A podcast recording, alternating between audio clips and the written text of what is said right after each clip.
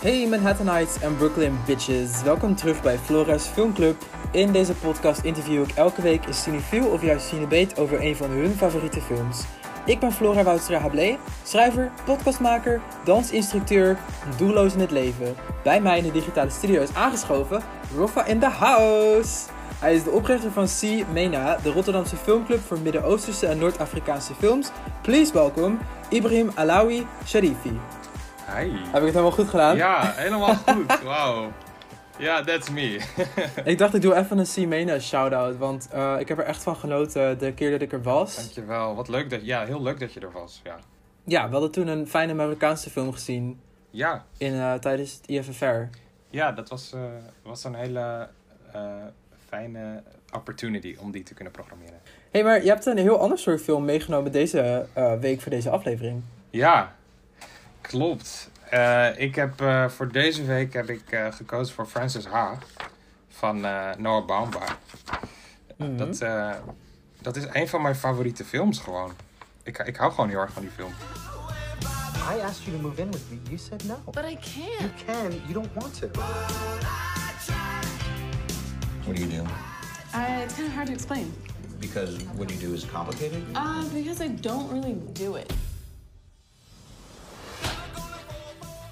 Wat, wat zeg maar aan deze film spreekt je heel erg aan? Want ehm, ja, ik heb deze ook wel eens gezien, Francis H. uit 2012. Ehm, en het gaat over ja, een beetje een wit meisje in, de, in de New York. En ze is 27, ze is een beetje doelloos in het leven.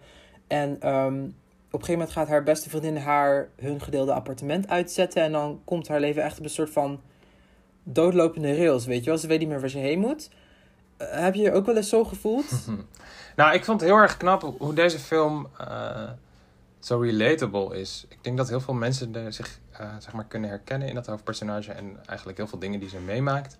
Zeg maar, het gaat over een, een witte vrouw ja. eh, in New York. En ik ben niet wit en ik ben geen vrouw. En ik woon ook niet in New York. Maar ik kon me alsnog heel erg goed identificeren met haar personage. Ja, En zonder daar heel erg moeite voor te doen of zo. Die, die, ik heb niet het gevoel gehad dat die film zo relatable wilde zijn. Het was gewoon heel erg soort van puur en oprecht. En heel erg realistisch. Waardoor je denk ik al heel snel inderdaad eh, bij dat eh, herkenbare komt. Oké. Ja, ik denk dat ik wel een beetje snap wat je bedoelt. Want zeg maar, als je de film aanzet, mijn eerste gedachte was echt van: oh my god, dit is echt de ultimate white girls movie. Ze zijn zo, zo zeikerig en zo fake, weet je wel. En zo, zo New Yorkerig, weet je wel. Van, oh my god, weet je wel. Maar ongeveer halverwege denk je van: ja, het is misschien op een andere schaal dan wat ik gewend ben. En die appartementen zijn Mhm. duurder dan wat ik gewend ben. Maar een soort Ja. van de struggles herken ik wel.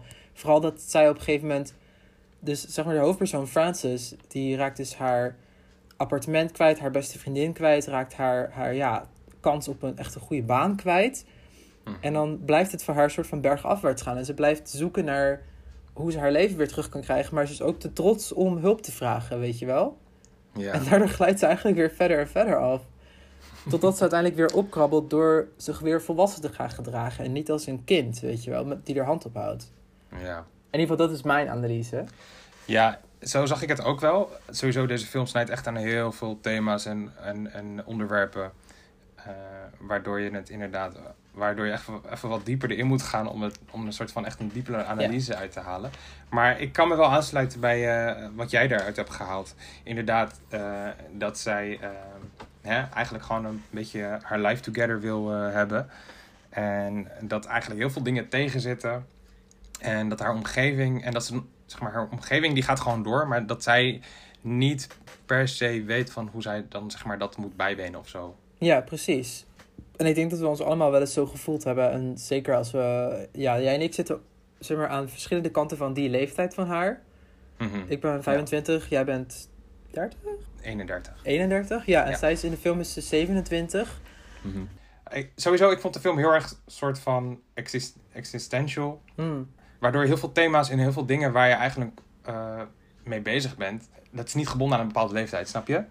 Ehm, het zijn nog steeds thema's waar je heel erg mee bezig bent. En die heel, nog, heel erg je leven bepalen. Het enige verschil is dat, zeg maar, tijd, zeg maar. Ja. En hoe je, hoe je in het leven staat en hoe je op een andere manier ermee dealt. Maar je bent nog steeds aan het dealen met die dingen. Wat voor dingen dan? Nou, ik denk bijvoorbeeld, zeg maar, finding what you really like. eh, zoeken wat je eigenlijk wil in een relatie. eh, dat soort dingen. Dat zijn dingen waarvan je op een eerdere leeftijd. Je bent er ook mee bezig, maar dan weet je misschien nog niet zo goed wat je, wat je wil.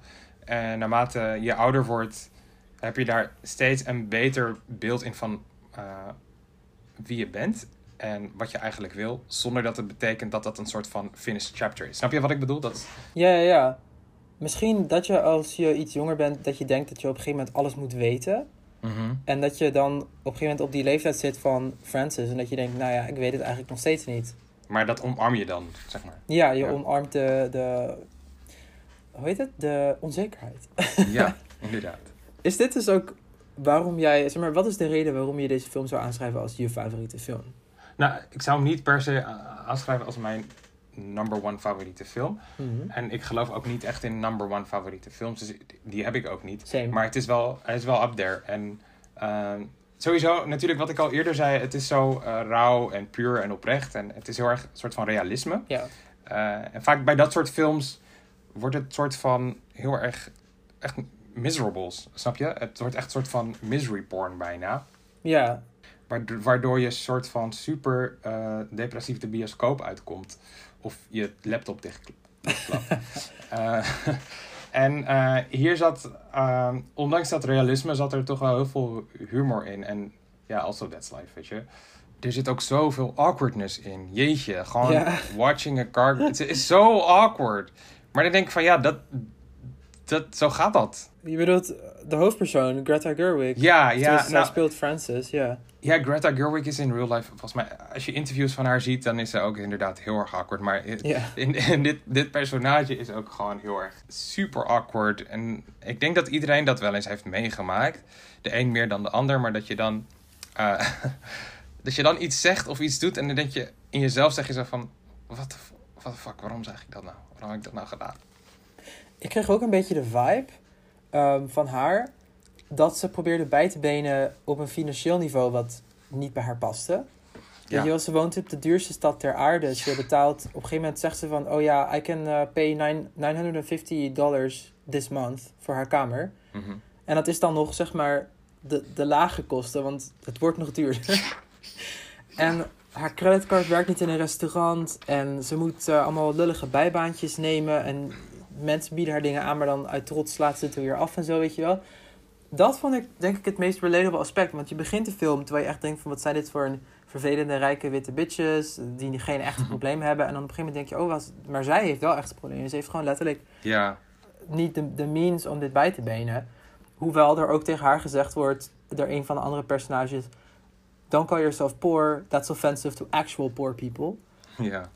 Maar dat, dat vind ik juist er wel sterk aan, want zij is binnen die context is ze echt heel arm. En ik denk dat dat een gevoel is wat in de Randstad zeker je echt kan voelen ook, hier in Nederland, weet je wel. Zeker. Van, ehm, ja, als je niet die grote baan hebt of een goede baan hebt, dan kan het ineens heel inaccessible voelen, de hele wereld hier. Ja. Zeker Amsterdam, ja. Zeker, inderdaad. En ik denk ook dat je in een soort van in welke culturele context je begeeft, kun je al heel snel poor zijn. Als je bijvoorbeeld een. ehm, nou, ik zal even verwijzen naar een, een quote eh, van haar vriendin Sophie, die dan zegt: The only people who can afford to be artists in New York City are rich. Ja, En toen dacht ik van ja, dan leg je wel eigenlijk de vinger op de zere plek. ja, klopt. Eh, eh, dit was heel ironisch, want zij zei dit tegen Francis. En Francis is een artiest en die woont in New York. Ja, En, en al die dingen die zij toen zei, ging, had eigenlijk heel erg betrekking op haar. Maar heel onbewust zei ze dat tegen haar. Zeg maar, zij, die Sophie, maar ook heel veel andere vrienden en andere mensen in haar leven. Mhm. Het zijn eigenlijk gewoon allemaal, zeg maar, best wel jonge, rijke, witte mensen in New York. ja, eh, die gewoon komen van oud geld, denk ik. ja, Weet je, er zijn gewoon een paar generaties voor hun die, eh, die het gewoon makkelijk voor hun hebben gemaakt. ja, En eh, dat gaat sowieso natuurlijk hand in hand met ras in Amerika, maar eigenlijk gewoon over de hele wereld. tuurlijk, ja. Eh, dus eh, ja, het is een hele dubbele werking als je zowel wit als eh, gewoon middelklas, upper middelklas bent. Eh, dan ehm, zijn heel veel dingen ehm, komen zo vanzelfsprekend. dat zelfs wanneer jouw vrienden of mensen echt die heel dicht bij je staan, het moeilijk hebben met bepaalde dingen, dat je je daar gewoon heel moeilijk in kan inleven. Of in ieder geval überhaupt in beseffen. En dat is gewoon een bepaald ja, vermogen waar je gewoon niet over beschikt. Cognitief. Blijkbaar kun je daar gewoon niet in inleven. Ja, zeg maar die, die attitude van kun je niet iets regelen? Ja. Dat is echt Dat. die, de quote van zeg maar... Oh. Je, mijn, het niet, ja, dat is echt de Amsterdamse quote, zeg maar, die het leven soms hier samenvat. Van dat mensen ehm, bepaalde financiële middelen hebben of materiële middelen die jij niet hebt. Mhm. En, en dan staan ze ergens en dan kun je er niet komen. En dan is hun reactie van, oh, kun je niet iets regelen? kun je niet ook eh, even 500 euro neerleggen voor een ticket voor dit en dit? Je ouders dan? Heb Ja, je ouders al gevraagd? Ja, heb je je ouders dan gevraagd? En- ja, ik had er ook ja. een keer dat ik, eh, dat ik al mijn geld uit had gegeven op vakantie. En toen eh, moesten mijn ouders me weer betalen. Echt. eh, Deze podcast wordt nu gewoon een soort van wij die Parasite aan het plannen zijn op eh op mensen in de Randstad. Parasite binnen de ring. Zo, oh, je woont binnen de ring. Oh, ehm, heb je nog een, een, een eh, teacher nodig voor je kinderen? Ja. ik, ik ben een hele begaafde art teacher. ja. Maar dat is dus Maar een moet, ding, weet je. maar dan moeten ja. het Marokkanen zijn, vind ik. Ja, oh, dat zou, dat zou echt zo'n goede film zijn. Ja. Dus Parasite in Nederlandse context. Dat is heel dubbel dan, hè, inderdaad. Dan Ja. heb je inderdaad weer dat ras en een klas. Ja, ja, ja, want dat gaat vaak hand in hand. Dat wa- merkt je heel goed op. En dan bijvoorbeeld eh, in de, in de film met Frances is het denk ik... ehm, ja, zoals je zei, zij is dus wit en middelklas, maar haar vrienden zijn wit en upperclass. Alleen Ja. dat verschil vervaagt op het moment dat... Weet je wel, dus zij beweegt mee in die cirkels en niemand ziet haar eigenlijk aan als een outsider. Terwijl ze dat Klopt. wel is op Ja. basis van haar achtergrond. Maar dat, Dat, bij haar ja. is het onzichtbaar. Terwijl, ja. Ja. stel je bent, ja, als je Marokkaans bent of zo, of, of zo, dan kan het natuurlijk ook zo zijn dat mensen er al van uitgaan dat je al niet middle of upper class bent, weet je wel? Ja. En dat ze niet eens vragen van, kun je niet iets regelen? Mhm. Ja, inderdaad. Dat je de... Maar dat is nog een ander punt waar ik op wilde aanhaken, inderdaad. Wat jij nu net noemt. Is, Mhm. Het gaat niet alleen om, om hoeveel je te besteden hebt, maar ook gewoon je opvoeding en inderdaad gewoon de milieus waarin je be- eh, beweegt. Ja, Dat komt zo terug in zoveel elementen. En dat is ook iets waar ik heel erg mee bezig ben. Ook bijvoorbeeld eh, met mijn filmprogrammering in een filmclub. En de manier waarop ik zeg maar arts en culture toegankelijk probeer te maken voor mensen die misschien niet dat privilege hadden om ermee opgevoed te worden. Mhm. Maar je merkt dat heel veel mensen, inderdaad, zoals ik al zei, ongeacht je, hè, hoe breed je het hebt. Het, zit, het komt terug in bijvoorbeeld het, het eten wat je eet, naar de restaurants die je gaat, eh, de, de cultuur die je consumeert. ehm, ja. dat soort dingen, weet je, de boeken die je leest. En dat zijn allemaal dingen die je eigenlijk ehm, heel erg verbonden zijn aan en welke omgevingen je, je bent opgegroeid. Ja, klopt zeker. En dat zag je ook in, terug in deze film. Ja, Ook bijvoorbeeld, zeg maar, als je zag inderdaad wat voor huizen ze woonden, ja. dat je dan denkt van, hè, hoe kun je dat eigenlijk betalen? En hoe kom je daar überhaupt terecht? En wie ken jij die dat voor jou regelt? Ja, precies. En eh, dat is natuurlijk ook dat is de crux van het verhaal. Er wordt elke keer bij Francis, de mensen om haar heen verwachten volgens voor mijn gevoel elke keer dat zij het wel op kan lossen op de manier waarop zij dingen oplossen. Maar dan op een gegeven moment gaat ze naar haar ouders voor, voor ehm, Met kerst, toch? ja, met kerst. Ja. en in Sacramento in Californië. En dan zien we allemaal van die hele kleine huisjes. En dan zien Ja. we, oh kijk, ze komt niet zo van, zij is gewoon middelklas. En dan snap ik op een gegeven moment zit ze op een dinnerparty met allemaal van die rijke vrienden van een vriendin waar ze verblijft. En die zitten dan allemaal van. Yes, we love going to Paris. Have you been to Paris, dear? Zij zo, nee, nee, ik kom niet zo vaak in Parijs, nee. Aan de andere kant van de oceaan, ehm, duizenden dollars, weet je wel. En dan Ja. zei ze van, well, if you ever go to Paris, you may use our vacation house there. we like it for it to be used, We- weet je wel. Maar die mensen houden ervan ook om te flexen, weet je. Ook al weten ze, Ja. ook al weten ze dat je daar niet bent geweest en, eh, en, en dat niet kent. Dat is zowel bij nieuw als oud geld. Je, je houdt er gewoon van om te flexen, om te laten zien wat je hebt. En ook al kan de ander Ja. het niet betalen van, ja, maar dit is mijn leven. Ja, precies. Sorry that you're poor. En het is, het is grappig, want Greta Gerwig zelf komt dus ook uit eh, California. En volgens mij ook uit Sacramento, maar dat weet ik niet helemaal zeker. Ja, Terwijl Noah Baumbach, dus die uiteindelijk deze film heeft geregisseerd en samen met Greta heeft geschreven, die komt uit de New Yorkse elite, weet je wel. Ja. dit is echt zijn turf. Ja, Dus uiteindelijk heeft Greta ook wel haar Mhm. weg daarbinnen gevonden. Net zoals dat ehm, Francis dat vindt. Dat is denk ik het, het lastigste wat in de film zit. Van dat zij echt moet leren om voor zichzelf op te komen. En haar eigen pad, zeg maar, te vinden daar in New York. En ook de kansen te pakken die er te pakken zijn. En niet te denken van het kan nog beter en het kan nog hoger. Ze moet toch uiteindelijk dat lullige baantje aannemen als choreograaf bij haar dansstudio. ja, waar ze heel trots op Ja. was. Waar, waarvan ik het... Hoe vaak ik die film kijk, dan denk ik van... Ja, gewoon, girl, man. sounds good to me. Want die neemt, neemt Ja. die baan, ja. Ja, Ja. precies. Wat wil je anders doen? Ja. Maar ehm, over, Sacramento. Eh, Lady, Lady Bird eh, speelt zich ook af eh, in Sacramento. En voor de mensen thuis, Lady Bird is het regiedebuut van Greta Gerwig. Ja, Want eh, de films daarvoor was ze vooral in de pen. Was ze de schrijver. Ja, in, de, in Lady Bird heeft ze echt, eh, eh, heeft ze echt op de, de sturf- stoel van de regisseur gezeten.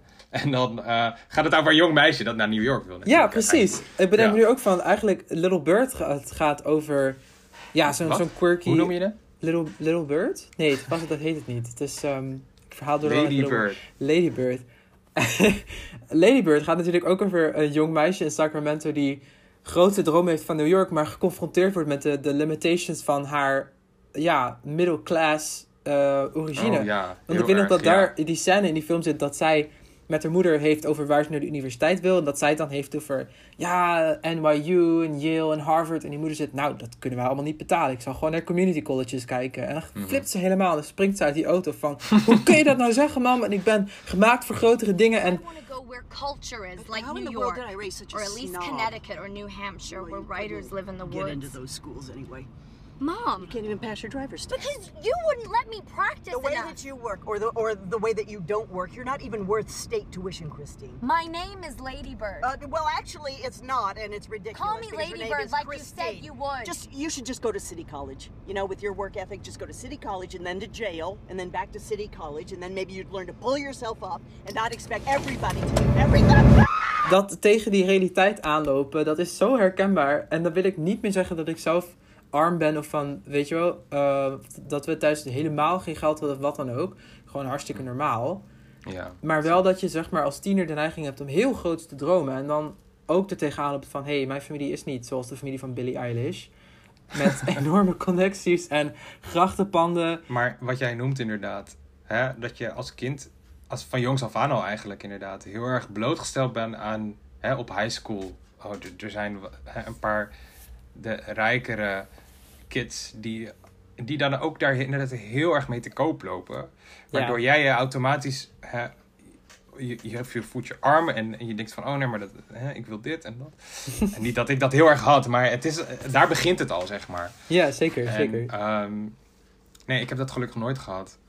Maar ik was met hele andere dingen bezig. Maar dan, en, en dan ga je naar New York en dan ben je alsnog... En dan merk je al soort van, ik ben hier met een achterstand. Ja. Je moet heel veel inhalen. En je denkt van, oh, ik ga dit ooit wel bijbenen. Maar that's never gonna happen. Klopt, want je hebt, zeg maar de, je hebt gewoon de codes niet. Je hebt gewoon niet de, de Nee. achtergrond. Je snapt gewoon niet waar mensen het over hebben ook. Weet je wel? Nee, nee, op, eh, nee, inderdaad. Later misschien wel. Mm, Maar het is inderdaad gewoon een hele soort van existentiële zoektocht. ja, Waarvoor, waar je jezelf gewoon heel erg tegenkomt. En het, inderdaad, als je je heel erg gaat verhouden tot andere mensen, dan zie je dat inderdaad als tekortkomingen. Ja. Maar the world is bigger than that. En dan kom je erachter van nee, het, het zijn gewoon verschillen. zeg maar in die scène waarin ze met die mensen zit, met die, met die lawyer waarvan ze een soort van huis, eh, waar ze in, in dat huis mag blijven in Parijs. Nou, in ieder geval die scène, dat Ja. is zo awkward. Oh mijn god. verschrikkelijk. Oh ja. my god. Dat ze inderdaad aan het diner zit met die, met die rijke Ja. gasten van eh het huis waar ze verblijft. Ja, We went to college together, and we used to take the train into the city on weekends and make bad decisions. You got pregnant? No, what? No. She's a great lady. I really like her. So smart. Yeah. I mean, yeah. I mean, we're all smart. Yeah, but she's book smart, smart. She's actually not. She doesn't really read, except for work, which is the funny thing. She seems like she reads a lot to me. I read way more. Mm-hmm. I don't know why I'm shit talking so Dat, en, en dan hebben ze het ook nog over, en dat vond ik best wel naar, want die mensen zijn ook gewoon heel erg rude. Sommige mensen zijn echt Ja. rude tegen haar. Ik bedoel, zij is Ja. awkward en zij is raar. Maar sommige mensen zijn onnodig rude. Net als bijvoorbeeld tijdens dat diner. Zei die... ehm, ja, misschien, oké, misschien was het niet heel erg met opzet rude, maar... Ja, want ze laten haar, het zijn, het zijn microaggressions. Ja. Microagressies. Ze laten haar merken dat ze er niet thuis hoort. Met allemaal Klopt. subtiele onderhuidse opmerkingen. Ja, niet eens zo subtiel eigenlijk. Want de- dan Nee. zegt een van, die, eh, een van die dames die daar aan de tafel zit, die zegt van ja, Sophie is zo smart. En, en daarvoor, daardoor wordt Frances heel onzeker natuurlijk. Ja. Dus dan gaat ze heel erg pro- projecteren. En, en eh, als buitenstaander denk ik van, oh wow, calm down, weet je. Ja. She's just uh, mentioning that Sophie is smart. En dan, je, dan gaat ze heel erg trash talken over haar eigen friend. En dan, Dan zegt ze inderdaad zo van, ja, nou, eh, Sophie leest helemaal geen boeken. Ik lees meer Ja. boeken dan Sophie, hoor. Ik wil Ja. niet veel zeggen. Eh. ja, dat, en dat is dan eigenlijk een soort van een monoloog die je eigenlijk in je hoofd moet afspelen. Maar zij zegt dat gewoon hardop. En, Ja. En eh, dan beseft ze van, oh, hè, wat zeg ik nou? Dit, dit hoefde ik helemaal niet te zeggen. En dan is het gewoon haar onzekerheid. Want omdat ze zich al zo erg eh, een soort van probeert te meten aan Sophie, die het wel allemaal zo goed voor elkaar heeft. Mhm. En dan inderdaad, wanneer ze samen in die dorm zitten. Ja, helemaal aan het einde. Als Sophie eh, de relatie aan het, het schijnbaar aan het imploderen is. Ja. En dat ze weer eindigt in de kamer met Francis. En dat Francis voor haar moet zorgen terwijl ze overgeeft. En... Ja. Ja. en dat ze dan zegt zo van, oh ja, I've, I've, I've always been so competitive with you. En dan denkt van Francis, hè, wat? Eh Flakka, eh, ik dacht dat ik degene... dus ik dacht van, hè, jij competitive met mij? Jij, hebt- jij, toch, jij bent... Je hebt je hele leven together. En eh, ik, I'm just fucking up. En, eh, Ja, ja. Weet je, maar dat is dan ook gewoon, dat zijn die dingen waar je het niet over hebt. In het beetje in het begin, wanneer ze met die love uit eten gaat. Ja. Het was een date volgens mij zelfs, toch? Een soort van was een het date. een date? Ja. oh, is this a date? Eh, Oh. No. Yes. No. Yeah, no. I, yes, I, I'm the one with the tax rebate. Can I take it? Uh, uh, fine. Just because you bought dinner doesn't mean I'm gonna sleep with you. I'm not trying to sleep with you. No, I was pretending to be a liberated woman. Oh, I got it. Thanks for paying. That's very sweet. You're a lady. I'm sorry, but the card didn't go through. Do you have another card you want to try? Oh shit! Sorry. Um. Uh. This is a debit card. Only credit cards are cash. Okay. I'm so embarrassed. I'm not a real person yet. I got it. No, no, no, no, no. I'm just gonna go run. wat zij dan doet, is hij stelt voor om te betalen. Maar dan werkt haar creditcard niet. Het zit gewoon niet mee, weet je. Super, ja, heel pijnlijk herkenbaar. hoe, die, hoe die dingen gaan. En dan, weet je, dan rent ze naar buiten naar een pinautomaat en zegt... Nee, nee, ik ga betalen. Nee, nee, ik ga betalen, vriend. Wallah, ik ga Ja, betalen. ja, precies. Wat een vriend, ik ga betalen. Ja, ik heb wallah gezegd, klaar, ik moet niet betalen. Ja. Nee, maar, maar dat is dus... eh, dat vond ik heel grappig om te zien. En dat is iets wat je volgens mij in Nederland bijna niet zo snel meemaakt. Maar, ik, zeg maar het was heel erg herkenbaar voor zeg maar, mensen met een migrant background. Want dan ga je natuurlijk ook... Hè, als je ergens gaat eten, dan is het altijd vechten bij het betalen. Ja. En ik heb dat in Nederland, vooral ook voor, inderdaad vooral met mijn eh, niet-witte vrienden. En eh, Ja. ik had het toevallig... Ik heb dit toevallig een keer meegemaakt met eh, een vriend van mij, Irakees jongen. Ja. We waren toen naar Ladybird gegaan op IFFR. En daarna, daarna gingen we toen ergens eten. En toen... Het, dit is allemaal heel toevallig. Maar Mhm. toen, hè, toen gingen wij ook inderdaad vechten om wie gaat er betalen. En toen bij de kassa zei ze... Zei, zei, zei dat, zei die vrouw achter de kassa... Die dacht echt van, what's happening? Zei ze van, nou, jullie lijken net eh, vrouwen. En toen dacht ik van, huh? ik was zo confused. Ik denk dat het, wel, eh, dat het wel echt een ding is, want ehm, bij haar was het ook zo, ze wilde heel graag betalen om te laten zien dat ze financieel onafhankelijk was. En het feit dat het niet lukte, voegde Ja, zeg maar toe aan haar, Dat nog meer frustratie ja, en aan haar ja. struggle, weet je wel, van dat ze er Ja. echt niet bij hoorde. Eh. Maar los daarvan, ik herken heel erg wat je bedoelt. Misschien is daar ook een connectie, maar bijvoorbeeld in, in Libanon met Libanese mensen is het ook echt zo'n ding. Van de rekening komt en het is echt vechten om wie de rekening mag betalen, weet je wel. Ik heb echt manoeuvres moeten doen, weet je. Ik heb echt zeg maar zo overgespot en dan zo rennen naar de ober en zeggen, nee, geef, aan, geef de rekening aan mij, weet je wel. Ik betaal hem, ik betaal hem. En dan mijn vrienden komen er allemaal aan van, nee, blogger, wat doe je nu? Nee! En ik zo, ja, het is te laat, ik heb hem al. Nou, en dat is de enige manier waarop je kan, weet je wel. Het wordt bijna gewoon vechten. Ja, heel erg herkenbaar. Trouwens, oh, eh, die, ja, dat was gewoon even een anekdote. Maar eh, over zeden gesproken. Hij, ik heb hem ooit mijn eh, Criterion Collection Blu-ray van Francis H. uitgeleend. En hij heeft hem nog steeds niet teruggegeven. Dus, Die jongen ehm, waar je het over had. If you hear this, ja. Zede, if you hear this, je hebt nog steeds mijn, Mijn copy of Francis H. Geef die KK-film terug, jongen. Geef die koude film. ja, je, Ja. dat misverstand hè, dat ze in het begin heeft met, die vriend, met haar boyfriend, waar het al niet zo lekker mee liep. Mhm. I am going to get the cats anyway. But then you're gonna be a single guy with two cats. Why would I be single? With two cats. No, I know. I mean, why would I be single? I don't know. I thought you said that this isn't working. I mean, if if we don't move in together, if we can't move in together, We can move in together. I don't know. I don't know that I believe anything that I'm saying. En dat ze dan denkt van, ja, this is not working. Maar dat hij het helemaal niet heeft over de relatie. Dat, dat ze gewoon langs elkaar heen praten. Ja. En dat zou je normaal nooit in een film zo zien, in een dialoog. Hè? Wanneer je heel goed nadenkt over een bepaald dialoog, alles klopt. Hè? Dit gaat heel erg om die timing en alles. Maar dit was zoiets van, oh ja, that could have happened. En dan denk je zo van, ja, hoe ga ik dit nou uitleggen?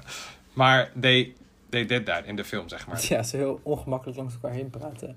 Net als in real life. Ja, maar om dat te recreëren, het is, zeg maar, niks is geïmproviseerd. Deze film is gewoon echt, het, hij heeft het hele script gewoon gevolgd. Ja, het is, het is netjes geschreven. Het is, ehm, het is echt een goed script. Wat zij met elkaar hebben gemaakt. Ik vind het script hier realistischer dan in die latere film van Noah Baumbach, namelijk Marriage Story. Ja, Ik vond het daar best wel over de toppie. eh, ik vond het trouwens een hele goede film. Oké. Ik weet niet wat jouw mening daarover is. ik vond hem oké. Ik vond hem gewoon niet zo goed als bijvoorbeeld deze. Oh ja, oh ja, weer Adam Driver. Ja, dat is dus het bruggetje wat ik wilde maken met Girls. Ik wilde het sowieso nog hebben over de cast, maar in ieder geval Marriage Story. Ja. Eh, dat ging dan natuurlijk heel erg over eh, Noah Baumbach. Mhm. Dat is zijn verhaal heel erg. Dat is zijn verhaal, ja. En eh, dat was ook, dat was er een, dat ging dan niet over Greta natuurlijk, maar Nee. blijkbaar een andere vrouw in Californië. Het ging over zijn ex-vrouw. Zijn ex-vrouw, ja, inderdaad. Ja, die hij trouwens heeft verlaten voor Greta, Voor Greta. mij. Ja. Oeps. Oepsie. Ik, wat ik leuk vind aan die, aan die cast van deze film is gewoon best wel een leuke cast. Adam Driver, het is echt een van mijn favoriete acteurs at the moment. Hij speelt best wel verschillende eh, rollen. Ja. Van, hè, in, van Jim Jarmusch films tot eh, Kylo Ren in Star Wars. Star Wars, ja. Maar in, hè, wanneer, wanneer hij hem soort van reduceert tot New Yorkse dude, dan, eh, dan blijft het gewoon zo'n soort van uberhippe, eh, stoere dude. Die best wel een soort van asshole is. En Ja.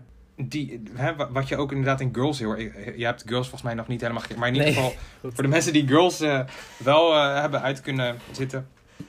Dat, dat personage van hem in die serie eh, kwam heel erg overeen met, eh, met dit personage in, eh, in Frances Ha. Gewoon een beetje een sexy, artsy asshole. Ja, heel mysterieus. Je weet nou eigenlijk niet wat, wat, wat doet hij nou. En wie- Ja, waar- wat doet... Ja, nou ja. Where did he, where did he come from? Maar zo van, uh, he's, hij is cool. En... hij, heeft, hij heeft die bepaalde stemgeluid, wat heel Ja. typerend is voor hem, wat in elke rol anders werkt. Zo heel diep en heel guttural, zo van... eh ja, ik kan niet echt... zo praat hij een beetje. The chick crashing in the little room might be moving to Portland next month. Oh, that's good to know. You smoke inside? Yeah. Don't you? No? Want to? Yeah? Ja, ja gewoon en- heel erg nonch. Super noncha. Ja, en, en hij is ook altijd... Hij is echt te groot voor zijn eigen lichaam, heb ik altijd heeft. Ja, ja. Hij komt heel moeilijk door een deur, zeg maar. Ja. Ja, en eh, hij heeft een soort van physicality, een fysieke eh, aanwezigheid die hem heel uniek maakt als acteur. Ja. Ja, hij, hij heeft echt wel wat. Hij heeft een presence. Mhm. Ja. Dus ja, dat is, dat is ook een reden om deze film te kijken. Yup. Ja, wat, wat wil ik eigenlijk nog meer vertellen? Ja, oh ja, dat mensen het over haar leeftijd hadden. Dat vond ik ook heel erg stom. Eh, dat, eh, dat ene meisje, dat zegt van... Yeah, aren't you a lot older than Sophie? No, we went to college together. Hmm, you seem older. I'm a couple months older. Like, a lot older. But less, like, grown up. It's weird. You have an older face. Dat is zo... pijn- Het begint al pijnlijk, maar dan denk je zo van... Nee, ze gaat nog door, weet je. Hij is zo'n zieke microagressie, hè? Dat... Maar ze gaat niet... Ze stopt niet daar. Ze gaat nog door. Ze zegt... Maar je bent ook gewoon kinderachtig. Je, Ja. je lijkt... dat is het ergste wat je kan zeggen tegen iemand. Maar ik denk... Ik weet niet. Misschien was daar, hing daar een bepaalde dynamiek... zeg maar, hè, zij, want because she was sleeping with Adam Driver en ze dacht van, oh, this is a girl, I need to make her soort van. Zeker, het was kleineren. Het was heel duidelijk haar proberen te kleineren. Maar heel herkenbaar, want dit is zeg maar hoe mensen zich gedragen als ze het gevoel hebben dat jij een soort van hun territorium binnenstapt en ze willen je daar weg hebben. Dan gaat ze een soort van onderhuidse opmerkingen over je maken, weet je wel. Ja. Van, ehm, oh, wil je daar en daar werken? Oh, dat is wel echt een lastige plek om te werken. Ik zou het eerst, eh, ik zou het eerst maar eens wat lager opproberen. Dat is misschien beter voor je, want het is wel heel ambitieus. Ja, ik heb daar gewerkt, maar ik zie dat gewoon niet echt voor jou. Want ja, ja, het ligt gewoon niet, denk ik, in lijn met jouw talenten. Oh ja, en wat had je ook alweer gedaan? Oeh, ja, oeh, nee, dat wordt wel moeilijk. Oh, en wat was je bachelor? Oh, ja, nee, mijn bachelor was bla bla bla bla. Hmm, ja, ja, dat is toch anders, hè? En voor mij was het al moeilijk. Ja, ja. voor mij was het al moeilijk. Oh, dat, dit is echt killer. Dit zijn echt, wij hebben echt ervaring met microaggressions, yo. Ja. Deze film Ja, is echt zo, um, very much. white woman experiences microaggressions. Um, dus misschien als je een, een ja, upper class witte vrouw bent en je luistert deze podcast, misschien moet je dan Frances H. kijken, omdat je dan heel chill kan inleven in haar en hoe dat zou voelen op een constante basis, weet je wel. Ja, inderdaad. Of gewoon, hè, wanneer jij dan in die andere rol zit, dat je dan ziet hoe het al kan overkomen en wat het doet met iemand. I don't know. Ja, ja, ja, ja precies. Ja, Frances H. Hey, eh, het is echt leuk. Ja. Ik heb heel veel sympathie voor haar. She's a good person. And people take advantage of that. Ja, That's how it be sometimes, man. dat is how it be. Ze is een beetje naïef, ze is een beetje optimistisch. Dus 100% heeft ze ADHD. Heb jij ADHD? Eh, ja. Ik heb ook ADHD. Ik Oh, zag je al best wel vaak uit het raam kijken. En Misschien is dat het gewoon. We hadden deze hele podcast kunnen skippen en zeggen van... Yo, het komt hierop neer. This is why it's relatable to us. Ehm, wat ik je nog wilde vragen. Hoe zou je deze film kunnen omschrijven voor ons? Nou, ik denk de beste manier waarop ik, ik deze film zou omschrijven is ehm, een coming-of-age film voor late bloomers. Oké, why? Ehm, nou, ik denk, er zijn heel veel coming-of-age films gemaakt natuurlijk. Vaak is dat in een soort van bepaalde fase van je leven. Mhm. Maar ja, heel veel mensen hebben die fase gewoon wat op een latere leeftijd. En heel veel mensen zijn gewoon late bloomers. Ja. En ehm, deze film, die, ja, die laat dat gewoon heel erg goed zien. I would consider myself ook best wel een late bloomer. En ik denk dat het een grote reden is waarom ik eh, me heel erg in kon herkennen. Ja. Op het einde zie je ook natuurlijk, eh, spoilers, spoilers, dat ze natuurlijk haar ehm, die performance heeft. En dat is van, she kind of figured herself out. Maar ja, ze is al eind 20, weet je. Dat ze toch weer een baantje heeft bij de dansbedrijf. Ja. Dat ze toch haar eigen leven weer aan het ontwikkelen is. En ook haar eigen appartementje heeft en zo. Precies. En dat is eigenlijk een soort van uh, kenmerkend voor een, een coming-of-age verhaal. Ja. Eh, dat ze uiteindelijk, hè, dat hij uiteindelijk toch weer daar zo eh, op eh, met beide pootjes eh, terechtkomt. Je hebt een goed punt dat ze komt er uiteindelijk terecht op de 27ste. En niet op de 21ste. Ja. Het is gewoon inderdaad, ze heeft heel lang, heel veel tijd gespendeerd aan op zoek zijn.